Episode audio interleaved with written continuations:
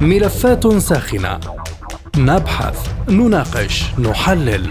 نتابع التفاصيل اولا بأول. ملفات ساخنة. برنامج يلقي الضوء على كل الملفات مع باقة من أبرز المحللين والمسؤولين.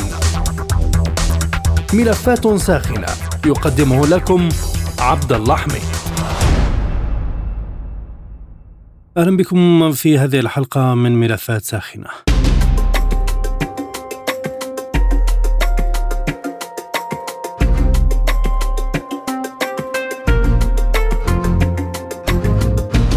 تشكيل تحالف دولي بقيادة الولايات المتحدة الأمريكية لتحقيق الأمن في البحر الأحمر نتيجة استهداف الحوثيين للسفن المتعاملة مع إسرائيل أكد زعيم حركة أنصار الله اليمنية عبد الملك الحوثي على أن أي استهداف لليمن سيقابله ضرب المصالح الأمريكية في المنطقة. وخلال كلمة له شدد الحوثي على أن قواته سوف تستهدف البارجات الأمريكية والحركة الملاحية من خلال عمليات عسكريه تعزيزا لعملياتهم السابقة لدعم الشعب الفلسطيني في قطاع غزة. وجدد التأكيد على أن جماعة أنصار الله تستهدف بشكل حصري إسرائيل متهما الولايات المتحدة بالسعي إلى عسكرة البحر الأحمر محذرا الدول الأخرى من التورط معها وقال الحوثي متوجها للدول الغربية إنه لا توجد خطورة على سفنهم التي لا تتجه إلى إسرائيل مطالبا بعدم التورط أكثر مع الأمريكيين خدمة لإسرائيل. حول هذا الموضوع ينضم إلينا من صنعاء عضو المكتب السياسي لحركة أنصار الله السيد محمد البخيتي. أهلا بك أستاذ محمد، هل تريد حركة أنصار الله التصعيد في وجه الولايات المتحدة؟ بسم الله الرحمن الرحيم. عملياتنا العسكرية في البحر الأحمر والبحر العربي هي محصورة ضد الحركة الملاحية للكيان الصهيوني وضد سفنه العسكرية. ونحن لا نستهدف أي خطوط ملاحية لبقية الدول وبالتالي التحركات الأمريكية آه، عبر تحالف العار هي التي ستؤدي لتوسيع رقعة المعركة وأيضا التصعيد في آه، المنطقة. لأن ما نقوم به هو عمل أخلاقي وإنساني آه، بهدف وقف جرائم الإبادة الجماعية في غزة ورفع الحصار عن سكانها. وبالتالي أعمالنا هي تتوافق مع كل الأسلاف والأعراف الإنسانية والأخلاقية وكذلك الدولية وأي استهداف لليمن لصالح الكيان يعني فتح حرب جديدة. لكن واشنطن تفهمها بخلاف رؤية أنصار الله، إلى ماذا يشير التوجه الأمريكي برأيك؟ بالتأكيد الأمريكيين يحاولون تبرير أفعالهم، ولكن الأمور واضحة بالنسبة للعالم. هناك جرائم اباده جماعية وهناك حصار قاتل على أهل غزة. وبينما يتحرك الشعب اليمني عسكريا من أجل وقف جرائم الاباده الجماعية في غزة تتحرك أمريكا آه، بتحالف العار من أجل حماية آه، مرتكبيها وتوفير الظروف المناسبة لاستكمال آه، جريمة الاباده الجماعية بحق إخواننا في غزة، فالأمور أصبحت واضحة للعالم مهما كانت الإدعاءات أي طرف. في النهاية الأمور واضحة ونأمل آه، من بقية الدول أن تتحرك آه، في الاتجاه الصحيح. آه، الذي يؤدي إلى وقف الجرائم في غزة. أضف إلى ذلك أنه بدلا من أن تتحرك أمريكا وبريطانيا وكذلك فرنسا لتوسيع رقعة الصراع كان بإمكانهم فقط توجيه الكيان الصهيوني بوقف الجرائم في غزة وعندها ستتوقف عمليات قواتنا المسلحة ضد الكيان بشكل تلقائي. سيد البخيتي على ماذا تراهن حركة أنصار الله من خلال تهديد الجانب الأمريكي باستهداف مصالحه في المنطقة؟ نحن نراهن على الله سبحانه وتعالى ونراهن على الشعب اليمني وكذلك على تأييد أبناء الأمة العربية والإسلامية وكل أحرار العالم الذين يتطابق موقفهم ورؤيتهم مع موقف أبناء الشعب آه، اليمني ولدينا خيارات موجعة ضد أمريكا وضد الكيان إذا ما قرروا آه، التصعيد. ونحن على تجه آه، من تحقيق النصر. ودائما ما نؤكد بأننا لا نتحرك من منطلق حساب العواقب وإنما نتحرك من خلال انطلاقا من التوجيهات الإلهية. وأهم هذه التوجيهات هو التحرك العسكري لانقاذ المستضعفين في الأرض ايا كان دي ديانتهم وايا كان عرقي عرقيتهم ولا نحسب أي عواقب. ولله عاقبة الأمور. كل العواقب هي بيد الله سبحانه وتعالى. طبعا آه، هذا المنهج الذي نتحرك من خلاله قد أثبت صحته. فكلما تدخلت أمريكا سواء ضد أنصار الله أو ضد اليمن ووجهت لنا ضربة فإننا وكذلك اليمن يخرج من هذه الضربة أقوى. ويثبت بأن حساباتنا هي الصحيحة. ولولا العدوان الأمريكي على اليمن لمدة تسع سنوات لما تمكن اليمن من القيام بهذا الدور العظيم والمشرف فيما يتعلق بالوقوف إلى جانب إخواننا في غزة. فالعدوان والحصار آه، قد دفع اليمن للتوجه نحو التصنيع العسكري والحربي وبالتالي الأمريكيين الآن نادمين على قيامهم بالعدوان على اليمن لأن ذلك لم يحقق أهدافهم. هل يدرك أنصار الله أنهم قد يدفعون ثمنا باهظا نتيجة تهديد الجانب الأمريكي الذي دفع الآن باتجاه ضرب صنعاء من خلال تشكيل تحالف دولي ضد الحوثيين. آه لن يضروكم إلا أذى وإن يقاتلوكم يولوكم الأدبار ثم لا ينصرون. صدق الله العظيم. نحن واثقون من نصر الله سبحانه وتعالى. آه وهذا من خلال وعوده ومن خلال تجاربنا سواء في حروب التسع سنوات حيث صمد اليمن في مواجهة 17 دولة أو فيما يتعلق بمواجهة أدوات العدوان في آه، الداخل. وبالتالي آه، نحن واثقين من النصر ولكن أيضا لابد من التضحيات. آه، وطالما وأن معركتنا معركة أخلاقية فنحن كشعب يمني مستعدين لتقديم التضحيات مهما بلغت كلفتها لأن ما يجري في فلسطين لا ينبغي السكوت عليه. ودائما ما نقول لو اطبقت السماء على الأرض فإننا لن نترك إخواننا آه، في غزة لأننا سنفقد رجولتنا. إذا ظلينا نتفرج على تلك الجرائم التي تحصل في غزة.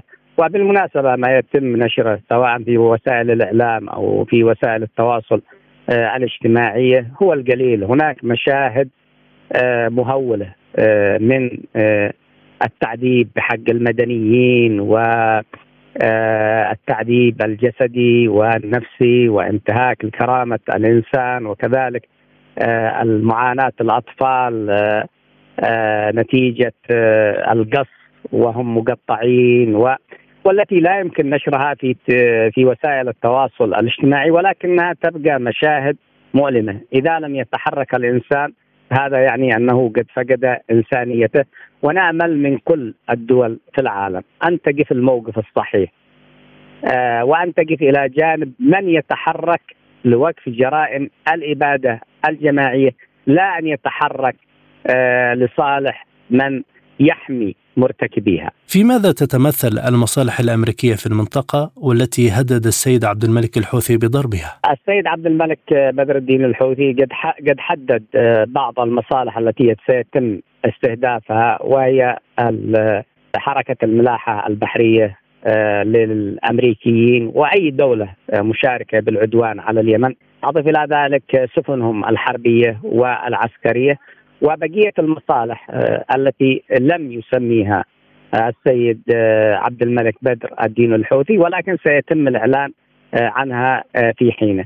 لذلك أيضا نحن نوجه نصيحة للأمريكي بأن مشاركته في هذه الحرب ستؤدي في النهاية إلى خسارتين، خسارة عسكرية والخسارة الأكبر هي الخسارة الأخلاقية، لأن الأمريكيين دائما ما يتحركون تحت عناوين آه، إنسانية وحقوقية وحماية آه، الحريات وبالتالي ما يحصل اليوم في غزة وموقفهم الخاطئ. قد عرى سياساتهم وأي معركة قادمة مع اليمن لحماية مرتكبي تلك المجازر سيعريهم بشكل أكبر.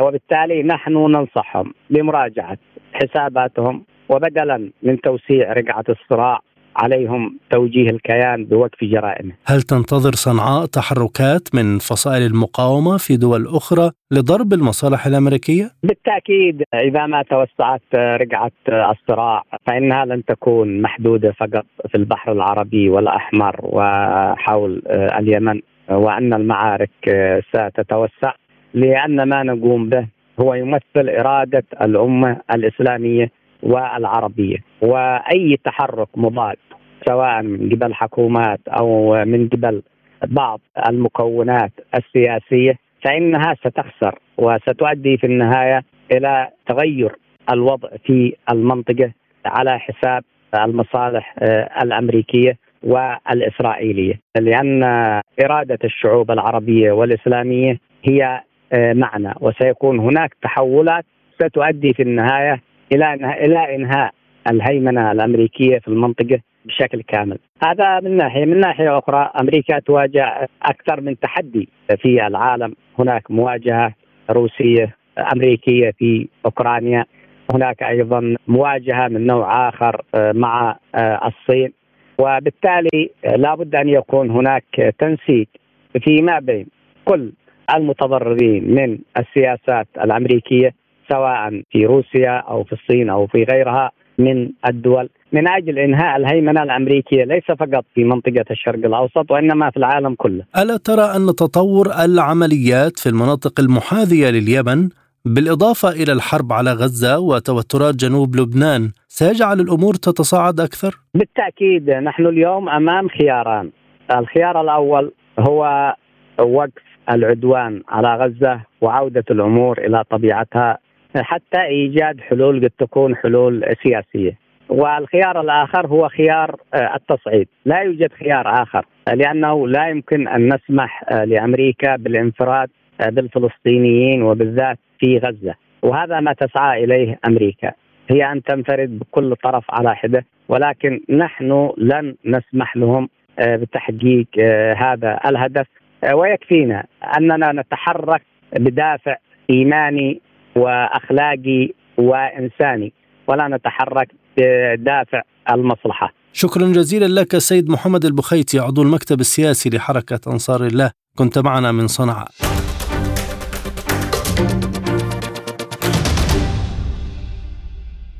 من بيروت ينضم إلينا الكاتب والمحلل السياسي الأستاذ حسن الدر. أهلا بك سيد الكريم. ما هي الدوافع وراء تهديد زعيم الحوثيين باستهداف المصالح الأمريكية إذا استهدفت واشنطن اليمن؟ واضح تصريح الحوثي أمس زعيم الحوثيين بأنصار الله بناء على ما أعلنه لويد أوستن وزير الدفاع الأمريكي من تشكيل حلف من أجل ضرب الحوثيين ضرب اليمن وهذا بطبيعة الحال متعلق بالحرب الدائرة في غزة. فبما أنه انصار الله الحوثيون أعلنوا بداية استهداف السفن الإسرائيلية ومنعها من دخول باب المندب إلى إيلات. الأمريكي تدخل وأخذ هذه الحرب على عاتقه أو هذه المسألة على عاتقه، بالتالي كان من الطبيعي أن يوجه الحوثي تهديداته إلى الولايات المتحدة الأمريكية، هي التي وضعت نفسها في هذا المقام. إلى أي مدى يمكن أن تقوم واشنطن باستهداف جماعة أنصار الله ردا على استمرار استهداف السفن. يعني هذه حسابات معقدة. اليوم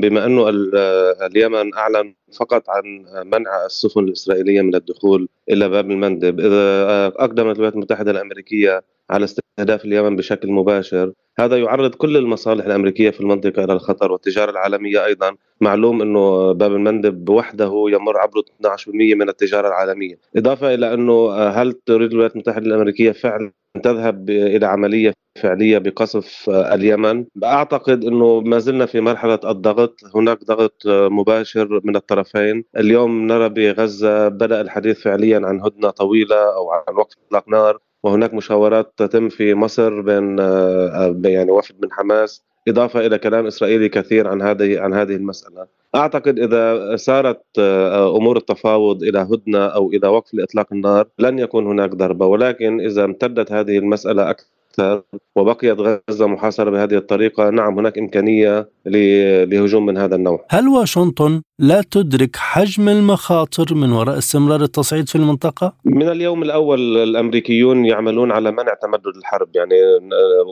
رأينا في لبنان مثلا كان الأمريكي حريص على عدم ذهاب الحرب يعني الأمور إلى حرب مفتوحة في لبنان. أكثر من زيارة قام بها أكثر من مفد أمريكي إلى تل أبيب. كان واضح الإسرائيلي يريد توسيع هذه الحرب مستفيدا من الوجود الأمريكي في المنطقة. أمريكا تدرك جيدا بأنه ليس لها مصلحة أبدا بحرب طويلة وبحرب مفتوحة في المنطقة لأنه لن تقتصر على جبهة واحدة. المصالح الأمريكية ممتدة على كامل المساحة العربية وفي الشرق الأوسط أيضا وكلها في مرمى محور المقاومة. وبالتالي نعم الامريكي يدرك هذه المخاطر ومن هنا نرى أنه ما زال يعني إذا بدك يستخدم ضبط النفس ولا يريد أن يذهب إلى استهداف مباشر في اليمن لأنه المسألة صار لها أكثر من شهر.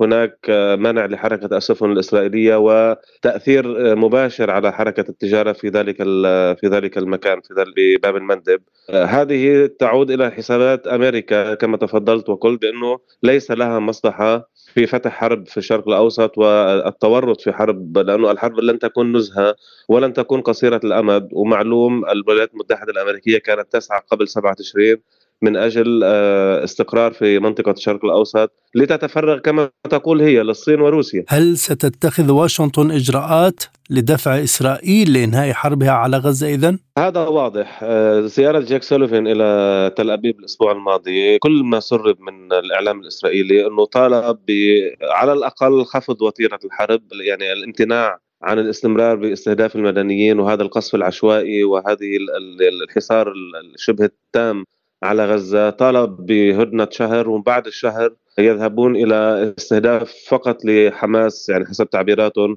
قيادات حماس وجاء يعني السماح للناس بالعودة إلى مناطقها. الولايات المتحدة الأمريكية آه، كانت تظن وتعتقد وتريد أن تنهي إسرائيل الحرب بأسرع وقت ممكن. نحن دخلنا في الشهر الثالث وإسرائيل لم تحقق أي هدف إلى اليوم. وواضح أنه استمرار الحرب لن يأتي إلا بمزيد من الفشل والخيبة للإسرائيليين وبالتالي للأمريكيين. فالأمريكي البراغماتي المعروف بأنه يقيس الأمور بميزان المصالح يعلم جيدا أنه استمرار الحرب بهذه الطريقة سترتد سلبا عليه. في الداخل بايدن هناك حساباته الانتخابية واضح من استطلاعات الرأي. الجمهور حتى الديمقراطي حتى الشباب الديمقراطيون آه، باتوا يؤيدون فلسطين أكثر من آه، من إسرائيل. وأيضا يعتقدون بأنه إدارة بايدن سيئة لهذه الحرب.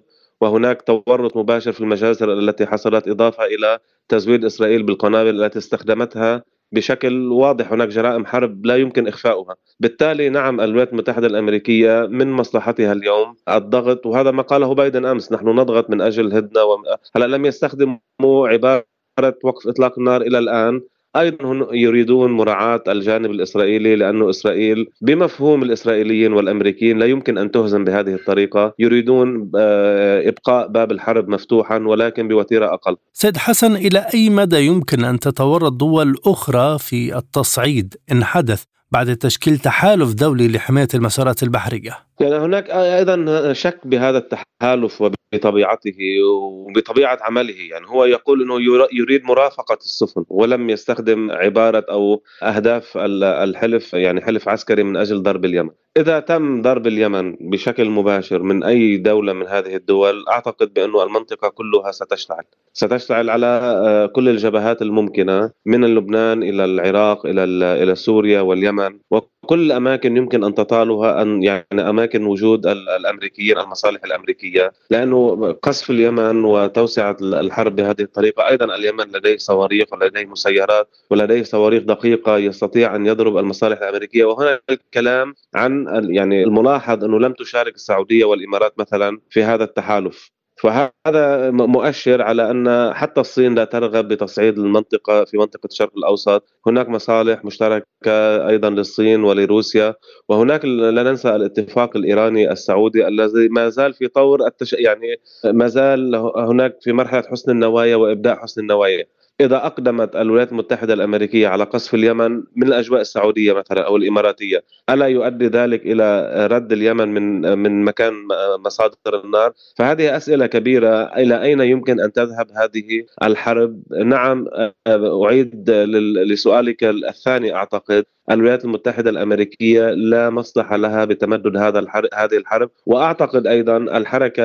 التي قامت بها اليمن يعني هذه الحصار على إسرائيل هو من العوامل التي ساعدت بتسريع الضغط الأمريكي على إسرائيل من أجل أو إنهاء الحرب أو تخفيف وتيرته. ما تداعيات ذلك على أمن الممرات البحرية التي أنشئت من أجل هذه القوة؟ هنا سؤال آخر آه، بنفس الإطار إذا توسعت هذه الحرب وإذا تم قصف اليمن أعتقد بأنه كل المضائق في ذلك لا ننسى الصومال له علاقة جيدة مع اليمن وتم الحديث عن هذه المسألة.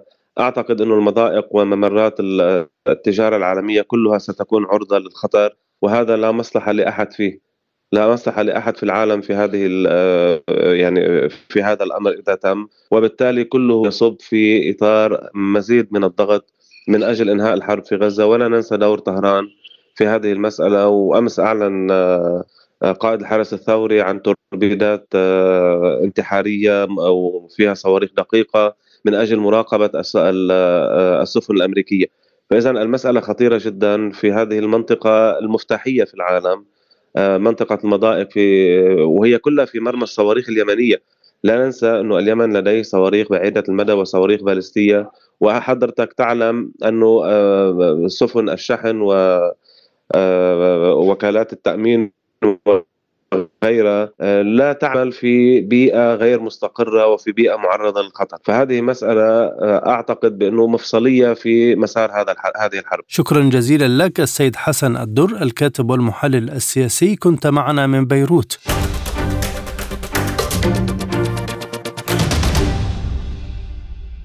ومن عمان ينضم إلينا الكاتب والباحث السياسي الأستاذ مروان موسى. أهلا بك أستاذ مروان. ماذا يضيف التهديد الحوثي للولايات المتحدة بمزيد من استهداف مصالحها للوضع المتأزم في المنطقة؟ في الحقيقة لدى الحوثيين كل الحق حتى بمنع وجود القوات الأمريكية والأجنبية الإمبريالية في تلك المنطقة لأن هذه القوات تهدد الحياة وتهدد الأمن في كل دول تلك المنطقة عبر مدخل البحر الأحمر وإلى الشمال. أنا أعتقد أن الحوثيين يقومون بخطوة ممتازة في سبيل تقليم أظافر الإمبريالية الأمريكية في منطقة الشرق الأوسط وتقليم أظافر إسرائيل التي استدعت سابقا منذ بداية الحرب القوات الأمريكية والقوات الفرنسية عدة آلاف منهم من أجل أن يقاتلوا معها ضد شعب فلسطين وإبادته. فكيف نقول للحوثيين لا؟ ونحن نشهد في قطاع غزة حركة عالمية إمبريالية استعمارية همجية لم يسبق لها في التاريخ مثير حتى في الحرب العالمية الثانية وفي الحرب الوطنية العظمى للشعب السوفيتي العظيم الحوثيون وغيرهم لديهم الحق في وقف هذا الزحف الأمريكي نحو المنطقة. لأن الأمريكان والبريطانيين والفرنسيين يريدون أن يعودوا بقواتهم إلى منطقتنا العربية من أجل استعمارها من جديد ومنع العلاقات والصداقة والتحالف بيننا وبين روسيا. لهذا نحن على ثقه بأن الحوثيين يقومون بما هو صحيح من أجل حماية بلدهم اليمن ومن أجل حماية هذه المنطقة البحر وما يؤدي إليها البحر من دول أخرى كالأردن وفلسطين وغيرها ومصر وإلى آخره. أنا أعتقد أننا يجب أن ندعم الحوثيين في هذا المسار لأنه مسار مسار مشروع. لا يمكن أن نوافق الولايات المتحدة ودول الغرب الجماعي على ما يقومون به ونقول للحوثيين لا. الحوثيون هم يقومون الآن بنقلة نوعية لم يسبق لها مثيل. من ناحية تقليم أظافر الاستعمار الجماعي الغربي في منطقتنا. لكن ألا يزيد هذا التهديد من تصاعد البؤر الساخنة في المنطقة العربية؟ يا صديقي يعني البؤر الساخنة في المنطقة العربية كانت منذ بداية التاريخ، كانت منذ سنوات طويلة جدا وقرون كثيرة جدا عندما الاستعمار بدأ باستعمار البلدان العربية وقتل حتى من الشعب الجزائري مليون ونصف مليون مواطن جزائري وفي غيرها من البلدان هل نحن نقف صامتون تجاه هذا الاستعمار الذي الآن يعود إلى المنطقة ويحاول تقليم مظافر العرب ومنع روسيا من وجودها في المنطقة والصين كذلك والدول الحليفة الأخرى؟ لا نحن يجب أن نكون كتلة واحدة كعرب بغض النظر عن توجهاتنا لوقف هذا العدوان الغربي الجماعي لأن هذا العدوان لن يقف عند حد قتل أطفالنا في كل البلدان العربية كما تقتل الآن إسرائيل الكيان الصهيوني ليست دولة هي هي كيان صهيوني. تقتلهم بدم بارد بتأييد من الرؤساء ووزراء الخارجية الامريكان والغربيين لا يجب أن ندعم هذا هذا الموقف الحوثي لأن لهم الحق وهم مطولون على البحر الأحمر. ولتذهب كل الدول الأخرى الغربية عن البحر الأحمر لأنه هذا ليس بحرهم وليرسلوا بضاعتهم عن طريق آخر. مع تشكيل تحالف دولي لحماية السفن البحرية، هل يحجم هذا من تهديد حركة أنصار الله؟ لا طبعا أنصار الله يعني هي ثابتة على ما صرحت به أنها سوف تكون مستعدة دوما للمواجهة مع القوات الأمريكية والغربية، وأنا أعتقد يعني أن الأمريكان سوف يدسون مع مختلف قواتهم يعني مع مختلف السفن التجارية قوات امريكيه يعني لا لاجل ان لا يرى الحوثيين بشكل مباشر. أنا أعتقد أن الحوثيين هم أذكى من الأمريكان في هذه المسألة ولن يسمحوا اطلاقا بان تتحكم أمريكا وأشيائها في هذه المنطقة. هذه المنطقة عربية ومياهها عربية وأرضها عربية وستبقى كذلك منذ فجر التاريخ. ولا حق لا لأمريكا ولا فرنسا ولا بريطانيا ولا كل هذه الدول الاسكندنافية بأن تقول كلمة واحدة لأن أرضنا بعيدة عن أرضهم وليذهبوا إلى الجحيم. سيد مروان هناك تخوفات كبيرة جراء هذه التوترات على مستقبل اقتصادات المنطقة العربية. كيف ترون ذلك؟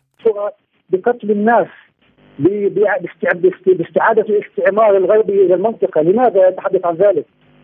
لماذا فقط عن الاقتصاد عن المال والسلع؟ هذه الخطوة الخطوة المقبلة لأمريكا والغرب هي استعمار المنطقة بالكامل وطرد روسيا والصين منها والدول الحليفة أخرى منها نحن نقوم الآن بمشاهدة حرب عالمية حقيقية الحوثيون جزء من هذه الحرب العالمية إلى جانب روسيا والصين وغيرها من الدول الشريفة وأنا يعني حتى أتوسل إلى كيم جونغ اون الرئيس الصديق الحليف الذي عرفه أن يتدخل هو الآخر ويرسل قواته ويهاجم القوات الأمريكية في كوريا الجنوبية لأنه بها هو هو مثل الحوثيين يقوم بالانتقام من اجلنا أيضا. ويا ريت أن ترسل كوريا الشمالية وساكتب لهم ذلك. قواتهم للقتال معنا في منطقة الشرق الأوسط. يجب أن نتحدث اولا عن عن الشهداء. بمئات الالوف الذين ذهبوا شهداء ليس فقط مسلحين. بل من النساء والأطفال والشيوخ الذين لا يستطيعون لا الحركه ولا أخذ الدواء حتى ولا العلاج اطلاقا. أين هو الاقتصاد مقابل هؤلاء هذه الدماء التي تسير الآن في قطاع غزة وفي الضفة الغربية وما حولها؟ يجب أن يتحدث عن البشر عن الإنسان الذي يعاني وليس عن الاقتصاد فقط. أمريكا تريد اقتصاد؟ لا سنضرب اقتصادها في البحر الأحمر.